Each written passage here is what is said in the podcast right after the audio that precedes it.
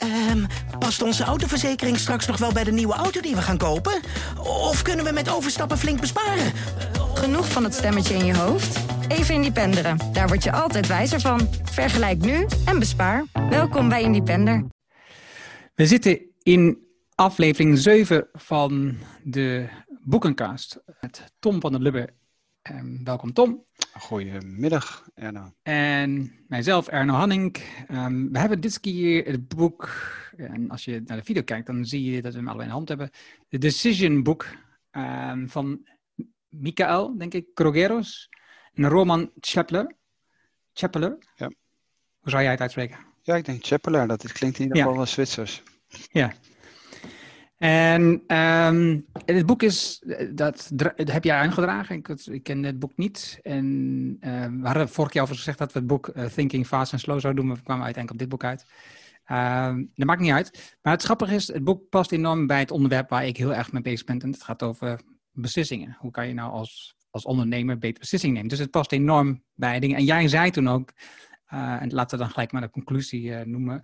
Het dus, dus dit boek zou bij heel veel ondernemers in de kast moeten staan om naar voren te halen op het moment dat je, of managers, op het moment dat je voor een lastige beslissing staat met je team, met jezelf of wat dan ook, met je bedrijf. Um, zodat je op een andere manier naar, je, naar het veld wat voor je ligt uh, te kijken en na te denken over hoe je dat beter kunt um, beslissen.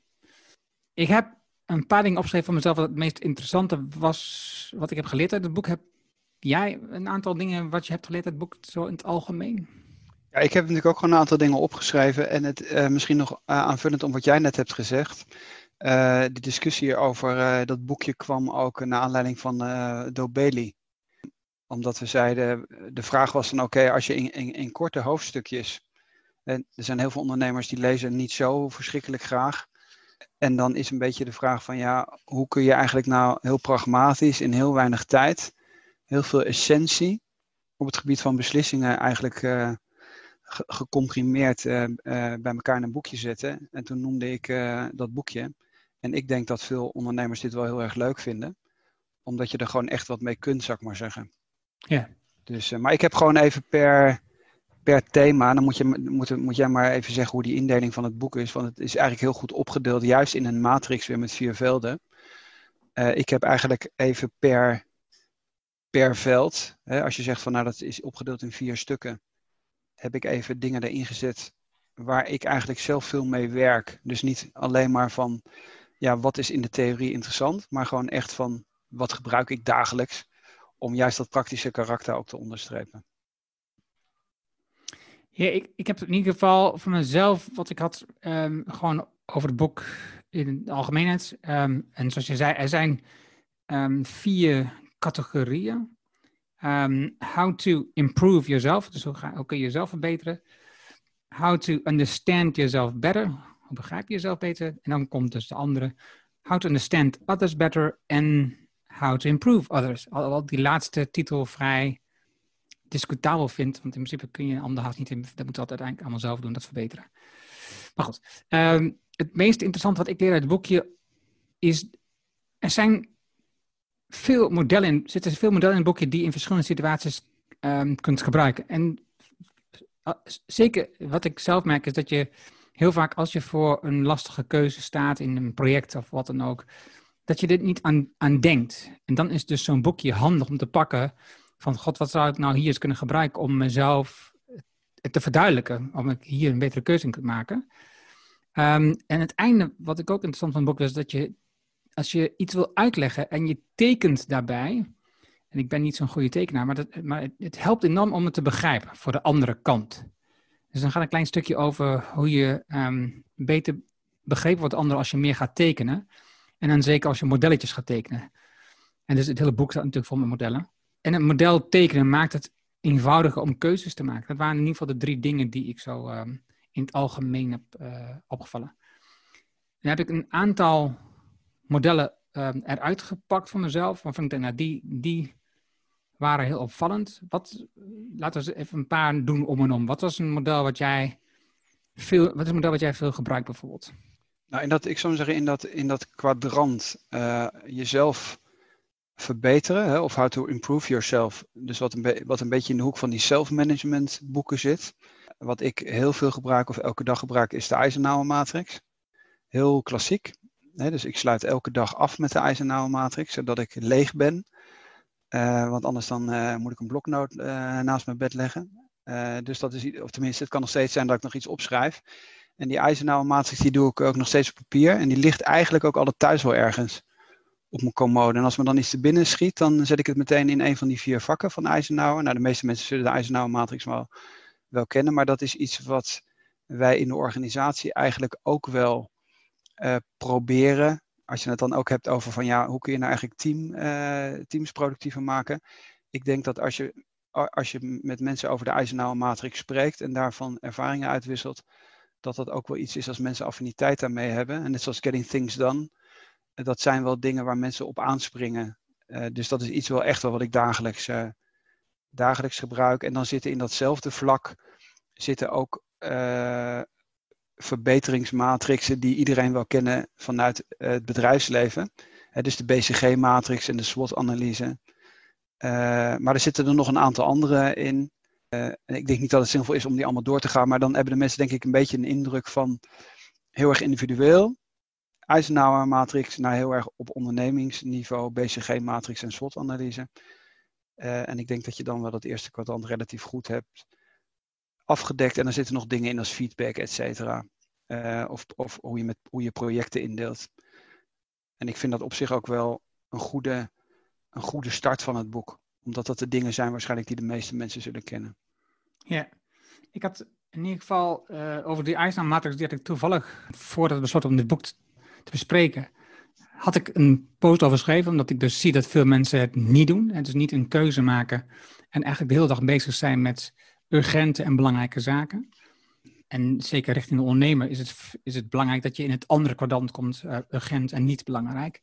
En daar moet je het grootste van je tijd in spenderen. En, uh, en dat is dus een, een soort visuele cirkel waar je in zit. Hè? Dus je bent zo druk, zo bezig met urgente zaken, dat je daar bijna niet doorheen kunt breken om in het andere kwadrant te komen. En mijn voorstel is dan, neem een, neem een dag rust. En gebruik die dag om alles in te delen in het kwadrant. Zodat je en de volgende dag plan je gewoon twee acties in urgent, sorry, niet urgent, belangrijk. En één in urgent en belangrijk. En alle anderen die eronder zitten, die laat je een andere over. En die BCG-matrix heb ik voor mezelf, um, daar heb ik ook gezegd, ik ben, ik ben eigenlijk te vaak met dingen resoluut gestopt. Terwijl nog volop omzet in zat. Dus voor mij was dat wel een mooie realisatie weer om, dat, uh, om daarnaar te kijken. Waarbij ik gewoon eigenlijk ja, dat als ik een matrix had gestopt, had ik misschien dat aan kunnen houden en een andere manier naar kunnen kijken en dat gebruiken naast elkaar. En dat is iets waar ik moeite mee heb. Dus, dus voor mij was dat een goede uh, herinnering daaraan. Ja.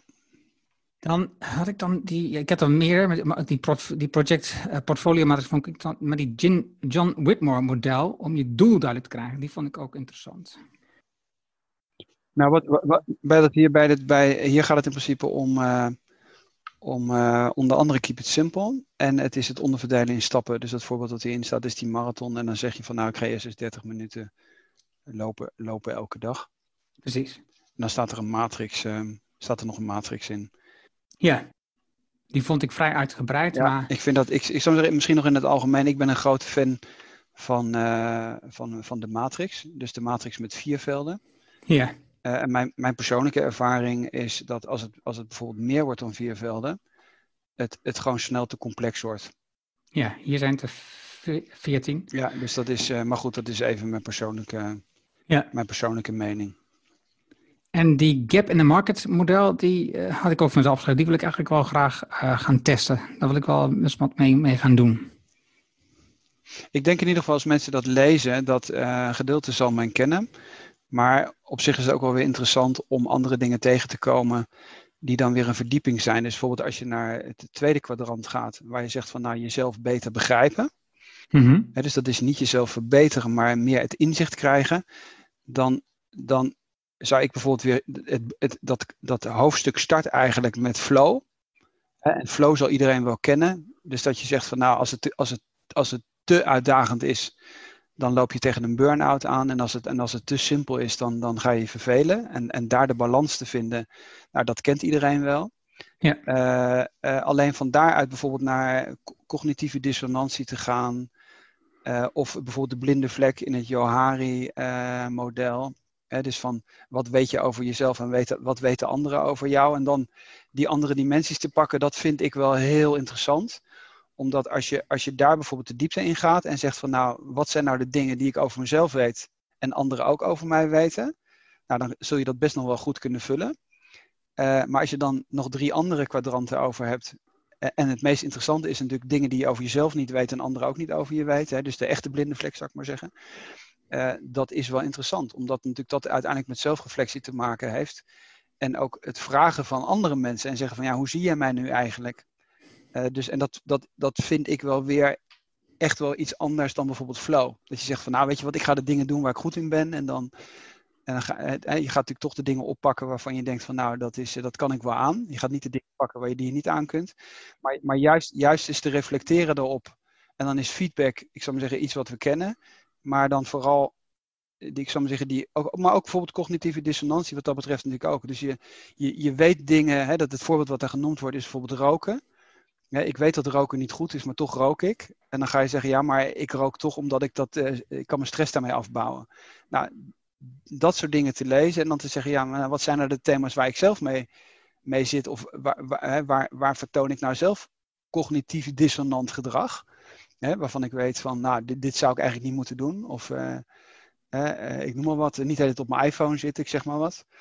Of uh, die uitzetten. Of niet als, als je s'nachts opstaat en nog even op je beeldscherm kijken, weet je.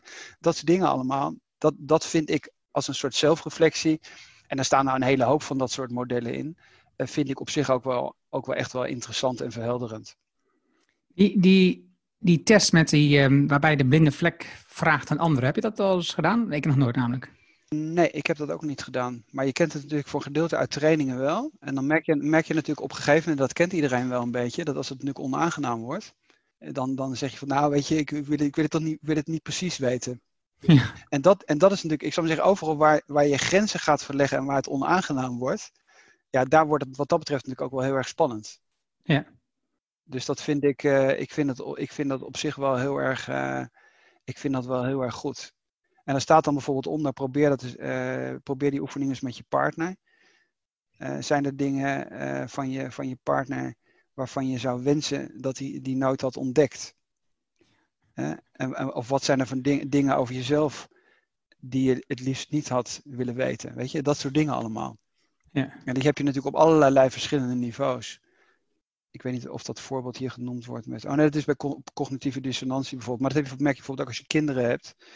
Dat als je dan zelf gestrest bent en dan, dan schiet je uit je slof. Of je, of je bent kort daarvoor dan uit je slof te schieten.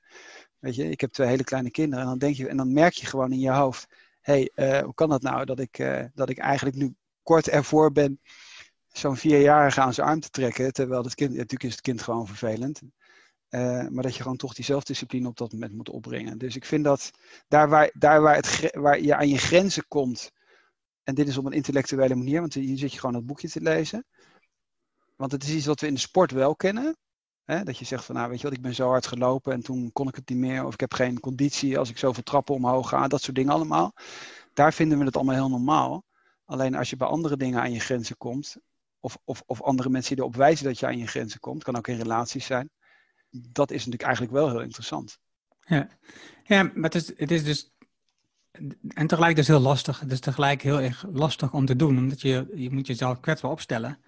En ook dus die feedback ook kunnen verwerken. En dus hoeft niet eens te zijn dat je er iets mee gaat doen, maar het is meer, het, meer de kalm te bewaren dat je, dat je het kunt, de ander kunt horen wat ze je vertellen, in plaats van dat je gelijk um, in de verdediging schiet. Dat is, dat is natuurlijk wel wat we gewend zijn vooral te doen. Ja, ja dus aannemen van feedback, hè? Ja. Die uh, making-of model vond ik ook nog interessant. Om de keuzes die dat je die meer baseert op wat je hebt geleerd in het verleden. Ik denk ook dat dat vaak uh, wordt vergeten. Dat je dingen die je in je bagage hebt, in je rugzak hebt, dat je, dat je daar niet aan denkt op het moment dat je uh, iets nieuws gaat doen. En, um, en, en nadenkt over keuzes. En dus, dus wat, heb je, wat heb je meegenomen uit het verleden? wat heb je geleerd? Wat zou je hierin kunnen gebruiken? Dat vond ik, ik, vond die, ik vond die ook interessant. Ja. De Crossroads model, die vond ik ook uh, grappig, omdat die, grappig is niet goed interessant, omdat dus, daar zaten dan vijf vragen in voor de volgende stap. Wat je ook gewoon vaak ziet is bijvoorbeeld, dat jij nu zegt van ja, je, je, je grijpt terug op, uh, op eerdere ervaringen. Hè? Dus je denkt dan dat je heel innovatief bent, maar je, je, je, beslist eigenlijk naar, naar bepaalde, uh, naar bepaald, bepaalde schema's elke keer weer op dezelfde manier. Er zitten op zich ook wel een, aantal meer sociologische uh, matrixen in. Bijvoorbeeld uh, ook, hele, ook dingen als muziekkeuze of mode, et cetera. wat dan richting sociologie gaat. waar, je, waar, je, waar iedereen dus denkt dat hij een individuele keuze maakt. dus bijvoorbeeld bij de mode is dat bijvoorbeeld heel sterk. Maar maar, maar we, bij hersenonderzoek weet men het ook, hè, instinctieve reacties. Maar dus we zijn helemaal niet zo. Het is helemaal niet zo dat we zo'n verschrikkelijke sterke zelfbeschikking hebben. Dus het oordeel van anderen is veel sterker dan dat we denken. Dus als wij, we gaan nu niet lopen met een of andere shirt wat veel te wijd is, of, of broekspijpen die te wijd zijn of te smal zijn, et cetera. Dus wat dat betreft is, ik vind het op zich wel aardig in dit boekje, dat je soms hele, hele hele stevige intellectuele matrixen hebt. En dan heb je in één keer zit er een matrix tussen over muziekkeuze of over mode. En dan, en dan, en dan, en dan zit, je, zit je naar zo'n modematrix te kijken.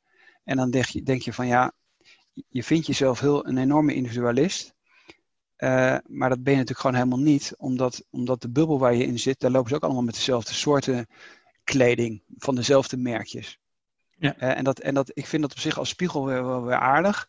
Uh, dus ik noem maar een voorbeeld. Al die architecten die in, zwarte, die in zwarte kleren rondlopen en dezelfde zwarte ronde bril op hebben, die vinden zichzelf allemaal hartstikke artistiek. Uh, alleen al die architecten hebben zwarte kleren en zwarte ronde brillen op. en rijden in een Saab en willen zeker niet in een Mercedes rijden. Hè? Dus dat is, wat dat betreft vind ik het wel grappig ook om dat gewoon te lezen. En dan eigenlijk ook met een soort knipoog zit je om jezelf een beetje te lachen. En merk je van, nou, ik ben helemaal niet zo'n individualist. Nee, nee, dat, nee, dat was. Overigens, dat, die crossover model die is gelijk naar die uh, um, cognitieve bias. En die vond, die vond ik dus ook super interessant. En die crossover, de vijf vragen: Where have you come from? Um, what is really important to you? Which people are important to you? What is hindering you? And what are you afraid of? En dan zoek je de weg uh, waar je op bent geweest en de weg waar je naartoe wilt. En ik, ik, zoals je dus voor een kruispunt staat. En ik vond dat, uh, ik vond dat ook interessant. En dus ook vragen die zelfonderzoek nodig, waarvoor zelfonderzoek nodig is. En dus niet, een aantal van die modellen zijn niet zomaar op te lossen. Daar moet je gewoon even echt wel tijd in steken. Dat vond ik wel mooi. De volgende die ik dan had was de Black Swan model. Die moet jou natuurlijk ook aanspreken. Ja, dat is, moeten we misschien uh, een keer iets doen met uh, Taleb. Het komt natuurlijk ook je nu veel ter sprake bij de hele corona-discussie ja, Black Swan is natuurlijk uh, ook weer typisch iets wat, uh, wat de meeste mensen zullen kennen. Uh, je hoeft het boek niet te lezen, want hier staat het gewoon op een hele kleine bladzijde staat het gewoon even kort uitgelegd. dus wat dat betreft is dat gewoon heel, is dat gewoon heel prettig. maar wat dat betreft is het natuurlijk, ik bedoel, hij zegt natuurlijk over corona, het is helemaal geen Black Swan, het is gewoon een White Swan, want een pandemie is er gewoon om de zoveel tijd. Dus je moet dat recessiescenario gewoon in de, in de la hebben liggen. Maar wat dat betreft is natuurlijk voor ondernemers elke keer ook de vraag, of bijvoorbeeld negatieve scenario's, of dat überhaupt een black swan is, of of dat dat, dat, dat gewoon terugkerende witte zwanen zijn, die, uh, die bij het leven van de ondernemer er gewoon bij moeten horen en waar, we, ja, waar, waar een betere balans zou moeten zijn tussen de, de zeven vette jaren en de zeven magere jaren in de Bijbel. Het zijn gewoon cycli die, die elkaar afwisselen. En elke keer als die negatieve cycli weer komt, dan hebben we allemaal hulp van de staat nodig en we worden allemaal heel onrustig omdat we geen reserves hebben opgebouwd. Ja, ja en elke keer ook verrast zijn. Ja, ja en we doen, we doen inderdaad elke keer heel verrast. Maar dat is het natuurlijk helemaal niet. En dan zeggen we, ja, nee, maar dat is allemaal heel uniek.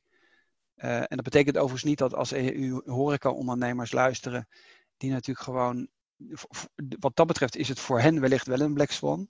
Omdat dat als je van overheidswegen een soort bedrijfsverbod krijgt, dan is dat echt wel, dat is echt wel een ander verhaal. Maar ik zou maar zeggen even algemeen naar recessiescenario's, als je gewoon kijkt, hebben we het ook al in het verleden over gehad, hoe, hoeveel procent van de ondernemers hebben recessiescenario's in de la liggen en hoeveel liquiditeit hebben ondernemingen, dan verschilt dat heel erg per, per cultuur en per land. en wat dat betreft is dat natuurlijk, is dat natuurlijk wel interessant om, om je daar eens ja, wat meer op te, op te reflecteren, zou ik maar zeggen. Ja, ik zat, ik zat een video te kijken van ehm, de Daily Stoic. En daarin kwam hij ook op terug. De auteur, ik ben even kwijt hoe hij heet, maar die auteur van de Daily Stoic, die kwam ook op terug op. Dus in de tijd van Rome, van keizer. Nou, ik weet niet, een van de keizer. Die heeft ehm, ook zo'n periode meegemaakt waar een pandemie was. En ehm, eh, die echt heel veel landen bestreek. En die, en, en die tijd die duurde dus acht jaar. Ja. Hij heeft acht jaar in die ellende. Uiteindelijk is hij er zelf aan gestorven. Maar wat hij vooral deed, en dat was, en dat was het mooie aan dit boek, aan dat verhaal, was hè, dus veel, veel van de rijke mensen die vluchten uit Rome op dat moment. Die gingen, die gingen ergens anders wonen. Maar hij niet. Hij bleef onder het volk. Hij bleef centraal. Um, hij bleef aanwezig.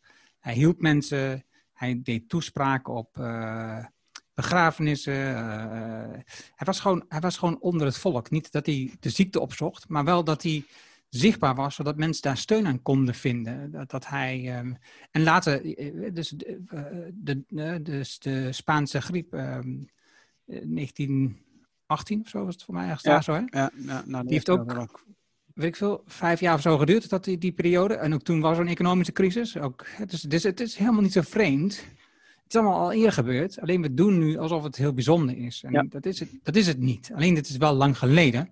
Ja. En, en, en niemand die nu leeft, heeft het uh, meegemaakt waarschijnlijk. Maar het lijkt wel alsof wij niet van leren. Ja, nee, dat klopt. Wat dat betreft is dat natuurlijk interessant. Ja. Misschien, uh, misschien nog over de derde, over de derde box. Ja. Waar het om gaat om anderen beter te begrijpen. Mm is misschien wel interessant. Dat, dat begint natuurlijk uh, out of the box. Dat zullen de mensen wel kennen. En dan uh, bijvoorbeeld weer Maslow-pyramide. Hebben we het ook al vaker over gehad. Hè? Uh, de zekerheid en behoeftebevrediging, et cetera. En wat daar ook wel weer interessant is, is hoe de sociologie mee wordt genomen. Ik weet niet of mensen sinusmilieus kennen of Bourdieu. Dat, daar gaat het, dat eigenlijk gaat het om milieus en mensen die bijvoorbeeld, bijvoorbeeld marketing interessant vinden. Uh, want ik had het net even over de architecten die zwarte kleren aan hebben en ronde brillen en saaprijden. Daar is vanuit de sociologie en vanuit eigenlijk het onderzoek bijvoorbeeld de adel en naar milieus, wat uit de Franse, uit de, uit de Franse wetenschap vooral komt. Uh, Bourdieu is een, uh, is een Franse socioloog. Um, daar, heb je, daar heb je best wel een interessante inschaling van bijvoorbeeld de middenklasse en, en, en al die verschillende milieus. En dat, dat is in zoverre interessant. Want als je bijvoorbeeld producten maakt en marktonderzoek doet, dan is het heel erg de vraag, ja, voor welk segment of klantensegment ben je eigenlijk actief? Dus als mensen bijvoorbeeld vanuit de marketing veel sterker daar eigenlijk in willen stappen en zeggen van, nou, ik vind het interessant om daar meer de diepte in te gaan en meer de sociologie in te gaan. Dan wordt hij bijvoorbeeld e-, Emile Durkheim uh, genoemd.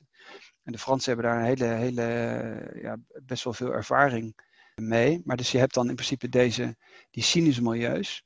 Uh, ik laat het, even, laat het even in de camera zien. Maar bijvoorbeeld dat is iets waar bijvoorbeeld in de automobielindustrie heel sterk mee gewerkt wordt. Dus dat vind ik, uh, dat vind ik wel aardig. Maar je hebt het bijvoorbeeld ook bij early adapters. Dus bij die, dat je zegt van ja, welk segment pak je nou eigenlijk? Wat dat betreft vind ik, vind ik dat interessant dat je daar eigenlijk ook weer de, de combinatie ziet van dingen die sommige mensen zullen kennen. Wat is een early adopter en hoeveel omzet kun je met welk segment pakken en wat is dan na de hand mainstream. Nou, toch weer die verdieping naar zo'n discipline waar misschien mensen helemaal niet zoveel affiniteit mee hebben. Zeggen, oh nou, toch wel weer iets geleerd en me uitgenodigd om uh, bijvoorbeeld met die milieus uh, uh, eens aan de slag te gaan. Dus een model waarbij ik aan jou, vooral aan jou dacht. De Swiss Cheese Model. Ik heb niet opgeschreven wat zijn nou, dat vond ik nou echt interessant. Maar ik ben benieuwd wat jij ervan vond. Ja, ik heb, uh, ik moet je eerlijk zeggen, ik heb dat wel uh, gelezen, maar ik vond dat best wel complex. Ja. Uh, en ik dacht van, jezus, dit is nou een typisch voorbeeld van iets waarvan ik zeg van, nou, als je dat zit te lezen en je, je krijgt een soort gezonde tegenzin, omdat het alweer te complex wordt, dan is altijd de vraag van, ja, hoeveel doe je er eigenlijk in de praktijk? mee. Dus daar wordt, wordt het dan ingedeeld in verschillende soorten van fouten. Ja, ik weet het niet. Ik vond het een beetje. Ehm, ik vond het een beetje heel erg. Um, ik wil niet zeggen theoretisch. Het, het, ging, het ging natuurlijk heel erg over dat je, als je pech hebt, dan lijnen sommige fouten achter elkaar op.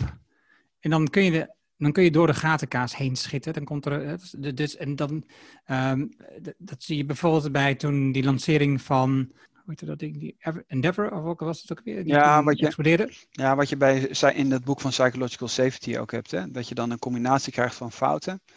Of Chernobyl, et cetera. En dan is in principe de combinatie van fouten leidt dan, leidt dan tot een enorme fout.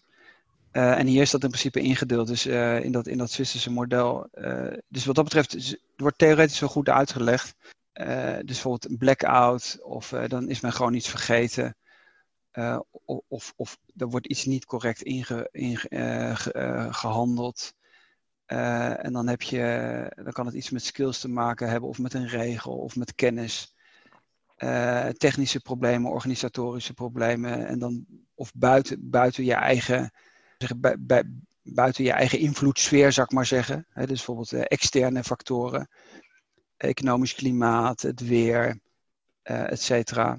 Maar ja, wat is in de praktijk vaak het geval? Het is vaak een combinatie van menselijke fouten. Hmm. Of er wordt dan niet ingegrepen. dus je hebt ook dat beroemde voorbeeld van, van, die, uh, van die Rus die een sein krijgt dat de raketten op hem afgevuurd worden door de Verenigde Staten. En die zegt van nou, dat, dat kan ik me nauwelijks voorstellen, dat moet een fout zijn. En die drukt dus niet op die Russische rode knop. En dat is nou een positief voorbeeld van iemand die nou juist wel in zo'n situatie niet gewoon maar dom op de knop drukt. Uh, anderzijds is het natuurlijk de vraag, ja, maar als het nou wel zou zijn geweest, dan had Rusland zich niet verdedigd. Maar dat is in principe wat natuurlijk heel vaak, heel vaak gebeurt. En dan, maar dan vind ik wat dat betreft het model van psychological safety voor het vermijden van fouten interessanter. Dus dat mensen hun mond open durven te doen en zeggen, hé hey, stop, ik geloof, ik geloof dat daar ergens een fout in zit. En of dat dan een theoretische of een, of een organisatorische fout of een kennisfout of weet ik veel wat is, dat maakt wat, wat dat betreft niet zo heel veel uit. Maar dat boek was nog niet geschreven, denk ik, toen zij hier dat, uh, de samenvatting van het modellenboekje maakte. Dat kan, ja. Die Hershey uh, Blanchard, die, die vond ik ook uh, bijzonder. Die deed me ook denken aan het S-model. Tussen ben ik op de zoek van wie dat er was. maar dat gaat over situationeel leiderschap. Dacht ik ook nog, ah, dat is wel interessant is voor mij in het laatste kwadrant, een beetje ja. anders als ik het goed heb. How to successfully manage your employees. Ja. Er zijn vier verschillende vormen: instrueren, coaching, ja. um, supporting en delegating. Ja.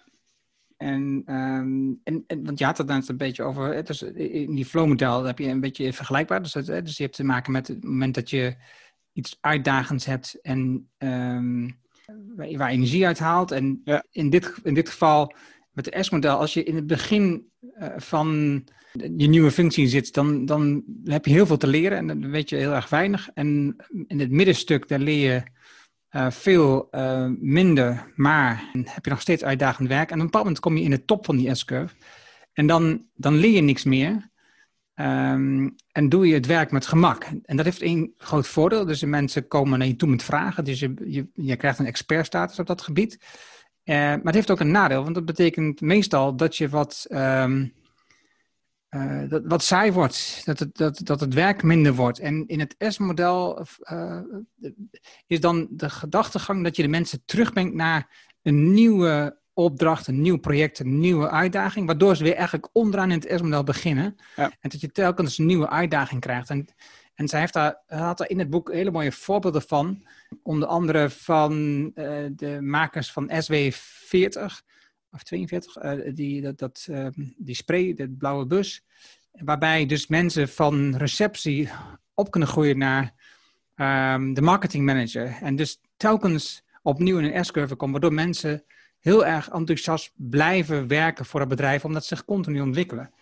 En, ik, en en dat kan alleen maar als je dus um, managers, ondernemers om je heen hebt, die dat zien en die dus je de gelegenheid geven om te ontwikkelen in plaats van dat ze laten hangen in een bepaalde functie, omdat het nou maar zo prettig voelt dat die persoon dat zo goed kan. Want dat is natuurlijk wat het meeste gebeurt. Ja, dat, dat gaan we gewoon die vragen, want die kan het zo goed. Maar dat is mooi, maar dan ontwikkelt zo'n persoon zich nooit meer verder en die blijft dan hangen in die positie. Ik denk dat dit dat, dat Blanchard-model, uh, uh, ik, ik denk dat dat ook diegene is die altijd die boekjes heeft geschreven, One Minute Manager, et cetera. Oh, ja. Wat overigens ook lekker wegleest. Ja. Uh, dat is dat situa situationele leiderschap. Hè? Dus dat je afhankelijk van de fase van iemand, wat jij zegt. Maar dat is eigenlijk een beetje vanuit de oude leidinggevende gedachte. Uh, je, je leidinggevende gedrag aanpast. En ik, ik zit net even die zin hier te lezen onder dat model. Dus ik heb, jij hebt in principe, dat, uh, jij hebt in principe net dit uitgelegd, hè? dus die curve. ik, hou het even in, ik hou het even in beeld. Dit is wat jij bedoelt.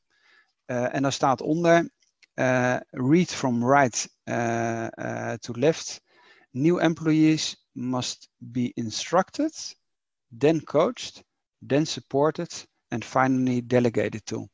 dus, en dat is eigenlijk het klassieke onboarding. Natuurlijk moet je mensen eerst uitleggen hoe dingen functioneren. Of ze moeten een bepaalde scholing hebben. Dan kan het zijn dat ze gewoon de vakinhoudelijke kennis al hebben. Ja, en dan, dan coach je.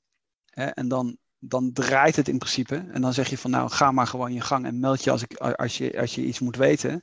Of als je hulp nodig hebt, of als je toch iets merkt dat je, dat je graag even wilt sparren. Ja, en dan is het natuurlijk het laatste stadium dat gewoon mensen helemaal gewoon hun eigen gang gaan. Dus dat is, um, maar dat is hier gewoon ook even in één, op één bladzijde heel simpel en snel, en snel uitgelegd. Ja, ik vind, ik vind, um, ik vind het, ik vond het grappig. Ik vond het niet een heel erg indrukwekkend model. Wat je al zegt, het is vrij klassiek. Ik vind dan, eh, en daarom haalde ik het boek ook aan, de S-curve. En eh, ondertussen heb ik de schrijver opgezocht. Het is Whitney Johnson. Um, en het boek heet de S-curve. En dat, is, dat gaat daar veel dieper in. Dat je, dat je veel meer mensen helpt om zichzelf te ontwikkelen. Oh nee, het boek heet niet S-curve. Het boek heet Build an A-team. Sorry, het boek heet Build an A-team. En daarin wordt de S-curve beschreven. En, uh, en, en dat, dat, dat zorgt ervoor dat, dat mensen niet blijven hangen in een positie en zich telkens opnieuw kunnen ontwikkelen en daardoor veel meer plezier houden in hun werk. Dus dat gaat eigenlijk verder dan alleen uh, ja, als situationeel leiders kijken naar uh, hoe lang zitten ze nou in een functie, hoe ver zijn ze erin en, en ik, ga mijn, ik ga mijn leiderschap daarop aansturen. Ja. Het is veel meer dat je de mensen helpt in het proces om uh, met de kennis en expertise die ze hebben de juiste plek in te nemen. En dus op het moment dat ze in de top van die S-curve zitten, in, in, in het van het model, dan gaat hij dus naar die piek en weer naar beneden. In het S-curve model gaat hij dus omhoog en dan vlakt hij af. Dan, heb je, dan hebben die mensen dus heel veel waarde voor het bedrijf, want ze hebben heel veel expertise en dus kunnen ze nieuwe mensen opleiden. En dat is dan weer een uitdaging voor zo iemand. Weet je? Dus je hebt je ontwikkeld in een functie en um, hebt een bepaalde plek in die functie verworven en expertise. Maar dan moet je de mensen gaan opleiden op datzelfde gebied. En dan heb je dus nieuwe uitdaging. En dan komt een S-curve op het gebied van het opleiden van mensen in plaats van op je expertise. Dus ik vind dat, ik vind dat een eigenlijk nog iets beter model dan deze. Wat misschien voor het laatste kwadrant, uh, wat ik nog wel interessant vind, uh, hebben we misschien in het verleden ook wel eens over gehad, is de, de zes uh, thinking heads van de Bono. Ja, ja. wat, wat, wat eigenlijk weer dat, dat, dat multidisciplinaire aspect heel simpel uitlegt. Hè? Dus dat je, dat je in principe zegt van nou, die zes hoedjes, die demonstreren eigenlijk gewoon zes verschillende manieren van denken. Nou, is helemaal niet. Hè, bijvoorbeeld bij rood bijvoorbeeld is dat hele emotionele, subjectieve, hè, wat we ook uit andere, uit de kleurenleer en zo kennen. Maar dit is weer een typisch voorbeeld. Als je zegt van nou, als je nou bijvoorbeeld de performance van een team wilt vergroten, dan moet je dus multidisciplinair zijn. Uh, en je moet juist verschillende mensen bij elkaar aan tafel zetten. Of als je mensen aanneemt, moet je juist mensen aannemen die anders zijn dan jezelf. Dus alles, iedereen kent dat. optimeren van teams, et cetera. Alleen dat is weer een soort eigenlijk begrijpt iedereen het. Alleen als je dan sollicitatiegesprekken zit, zit, te voeren, zit te voeren, dan ga je toch gewoon weer jezelf aannemen, zou ik maar zeggen. Uh, uh, en als je discussies voert, dan ben je heel blij als iedereen het heel snel met elkaar eens is. Maar dat is dan juist wat je niet moet hebben. Dus het is, heel, het is een, juist een enorme uitdaging om elke keer weer erop te letten dat die discussie niet verstomt. En dat, dat er kritisch uh, de meningen, verschillende meningen of posities worden ingenomen omdat op het moment dat natuurlijk iedereen het permanent heel snel met elkaar eens uh, is, nou, dan, dan betekent dat je dus heel dicht tegen die betonnen muur aan zit, waar je met een enorme snelheid op, uh, oprijdt. Uh, en dat is iets wat je in de praktijk bijvoorbeeld ook ziet. Hè? Dus als, als dan ondernemingen te zeer gedomineerd worden door één persoon of door één bepaalde manier van denken, of het nou in het collectief is van Shell, hè, die zitten heel lang op die fossiele energie met z'n allen, totdat ze bovenop die muur zitten uh, automobielindustrie met elektromobiliteit, uh, maar ook uh, Mark Zuckerberg met zijn datazekerheid, et cetera. Allemaal mensen die dus juist, als ze, als ze dat model, de model van de Bono zouden nemen en zeggen van nou laten we nou eens over datazekerheid discussiëren en, en, en daar die zes verschillende kleuren hoeden uitdelen en daar eens goed over praten en over discussiëren, dan zou je waarschijnlijk een hoop hele grote fouten uh, zou je weten te vermijden. Het is een beetje wat we hebben besproken in How the Mighty Fall uh, van, uh, van, van Jim Collins. Maar dit is eigenlijk een heel goed model, wat je eigenlijk, zeker in grote organisaties, waar je veel middelen hebt en, en, en eigenlijk ook veel goede structuren hebt, eigenlijk dit soort dingen zouden moeten invoeren om, om juist te vermijden dat je, tegen die, dat je tegen die betonnen muur aanrijdt met z'n allen. Ja, ik, had, ik hoorde in een verhaal van Rory Sutherland, dus de vice-president van Ogilvy in, in Engeland. En hij zei, het is veel slimmer om mensen tegelijk in een groep aan te nemen dan één voor één. Als je mensen één voor één aanneemt, dan kom je toch heel vaak bij een soort veilige keuze uit. Hè? Dus eh, mensen kiezen vaak voor de veiligheid uh, dat ze niet ontslagen worden. Hè? Dus je kiest iemand waarop je niet ontslagen kunt worden. Dus, hè, want dan, dat, zou, dat zou dramatisch zijn. Maar als je mensen tegelijk in een groep aanneemt, dan ga je veel meer zoeken naar balans. En dan zoek je veel meer verschillende mensen bij elkaar in plaats van uh, als je zes mensen moet aannemen bijvoorbeeld en je zou zes afzonderlijk verspreid over een jaar aannemen, dan heb je dus telkens één nieuwe medewerker en die lijken uiteindelijk op elkaar. Terwijl als je zes mensen tegelijk aanneemt en dus je gaat 50 mensen interviewen voor zes functies, dan krijg je echt wel zes verschillende personen. Ja, nee, de kans die er vergroten. Of als het decentraler is en uh, verschillende types ze interviewen. Dus ik, ik, bijvoorbeeld, ik, ik voer eigenlijk geen interviews meer. Ja, want dat is natuurlijk juist wat je in het begin van een organisatie hebt. Dus er zijn wel heel veel redenen voor ook om te zeggen van. Het hoort natuurlijk ook heel veel dat dan, ik zou maar zeggen, mensen die ondernemingen oprichten, dan de 500 eerste interviews allemaal zelf doen. Alleen, ja, enerzijds is het goed als je zegt van ja, je wilt de cultuur behouden. Alleen het is eigenlijk naar mijn idee nog beter als je definieert wat is eigenlijk je cultuur. Dat probeert in je DNA te verankeren. Maar decentraal zoveel mogelijk verschillende mensen gesprekken voeren en de decentraal in teams worden aangenomen, dat leidt tot een hogere heterogeniteit dan dat elke keer de oprichter, of, of ik zou maar zeggen de oprichters, al die interviews lopen te voeren. Uh, want dan is de kans dat je, dat je elke keer hetzelfde profiel aanneemt veel te groot. Ja. Um, het laatste model wat ik heb opgeschreven, dat was het Results Optimization model. En uh, dan krijg je dus te maken met drie loops in een project. Dus als je in een bepaald project zit en uh, wat gebruikelijk is dat er veel tijd wordt besteed aan het einde van het project. Hè. Dus, uh, dus je hebt, uh, stel je hebt een maand en dan wordt hard gewerkt, dat klopt. Maar eigenlijk aan het einde wordt altijd het meeste tijd besteed. Dus als je het model, het model als je dat opdeelt, je project in drie elementen, in drie verschillende uh, blokken. En telkens aan het einde van het blok zeg je met elkaar, onderzoek je met elkaar, um, wat is nou de eindstatus? Um, is dit goed genoeg? En is dit voldoende om de vervolgstap te zetten? En daardoor krijg je een, uiteindelijk een veel betere uitslag en ook een veel betere verdeling van je werk en tijd. Als je dus je project niet uh, één tijdspanne maakt, maar drie verschillende blokken maakt. Dus ik, ik vond dat, ik had dat nog nooit eerder gezien. Ik vond dat dus een super uh, interessant model. Ja. Wat had jij nog? Nou, ik heb eigenlijk voor de rest uh, niks meer. Ik heb alles wel ehm, gemeld wat ik, wat ik interessant vond. Nou, ik vond een, van de afsluitingen vond ik interessant. Um, hoe beslissen we in de toekomst? En uh, zij, dat was een dame, die schrijft het stuk, tenminste volgens mij was het een dame, over um, wat ze verwacht, wat er gaat gebeuren in de toekomst. En waarbij dus machines, data en um, AI steeds meer een rol gaat nemen in beslissingen. Dus steeds meer beslissingen worden gen genomen door anderen uh, niet door mensen, dus door machines en met gebruik van heel veel data.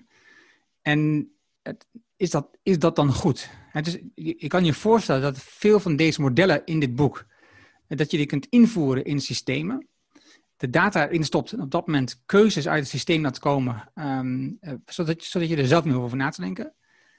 En dat is natuurlijk een interessante gedachte. Waarschijnlijk worden de keuzes beter. Maar de vraag is ook, wil je dit? Wil je die kant op? Wil je je eigen creativiteit op dat gebied weggeven aan machines die niet anders kunnen dan volgens bepaalde modellen te werken? Want op het moment dat je dat gaat doen en iedereen werkt met die modellen, dan krijg je natuurlijk alleen maar meer dezelfde uitkomsten. Het is hetzelfde dat als je nu een website um, laat maken, dan ziet het eigenlijk allemaal hetzelfde uit als alle andere websites. Omdat we als gebruiker gewend zijn dat het menu bovenin zit. Zo werkt een drop-down menu. Je moet zo een foto hebben, dan moet zo de tekst. Het ziet allemaal dezelfde uit, want dat heeft bewezen dat het werkt. Dus we doen heel veel onderzoek uh, hoe mensen zich gedragen op de website. We kijken hoe mensen, waar mensen kijken, we kijken hoe mensen klikken. We reageren op Google. Dus heel veel dingen die we in een website bouwen zijn gebaseerd op data van gemiddelde gebruikers en van gemiddelde partijen in de markt. En zo uiteindelijk gaat eigenlijk alles gaat allemaal hetzelfde uitzien. En de vraag is of je dat nou eigenlijk als bedrijf wel wil, dat je, dat je net als iedereen in de grijze massa uitkomt. Ja, totdat het dan weer doorbroken wordt. Hè? Dus kijk maar naar bijvoorbeeld de eerste uh, screen wat iedereen heeft als hij zijn computer aandoet, het Google screen waarschijnlijk. Waar alleen maar in het midden op een witte bladzijde één klein balkje in staat. En als je ziet hoe daarvoor de zoekmachines eruit zagen van Yahoo en zo, dat was één groot, et cetera, et cetera, één grote uh, ellende op je, op je beeldscherm, zou ik maar zeggen. Dus vaak is het ook wel weer interessant dat, dat de eerste die het dan weer weet te doorbreken, uh, ja, dat, dat is dan weer innovatie. Hè? Ja. Uh, wat dat betreft. Maar ik denk misschien even afsluitend voor de.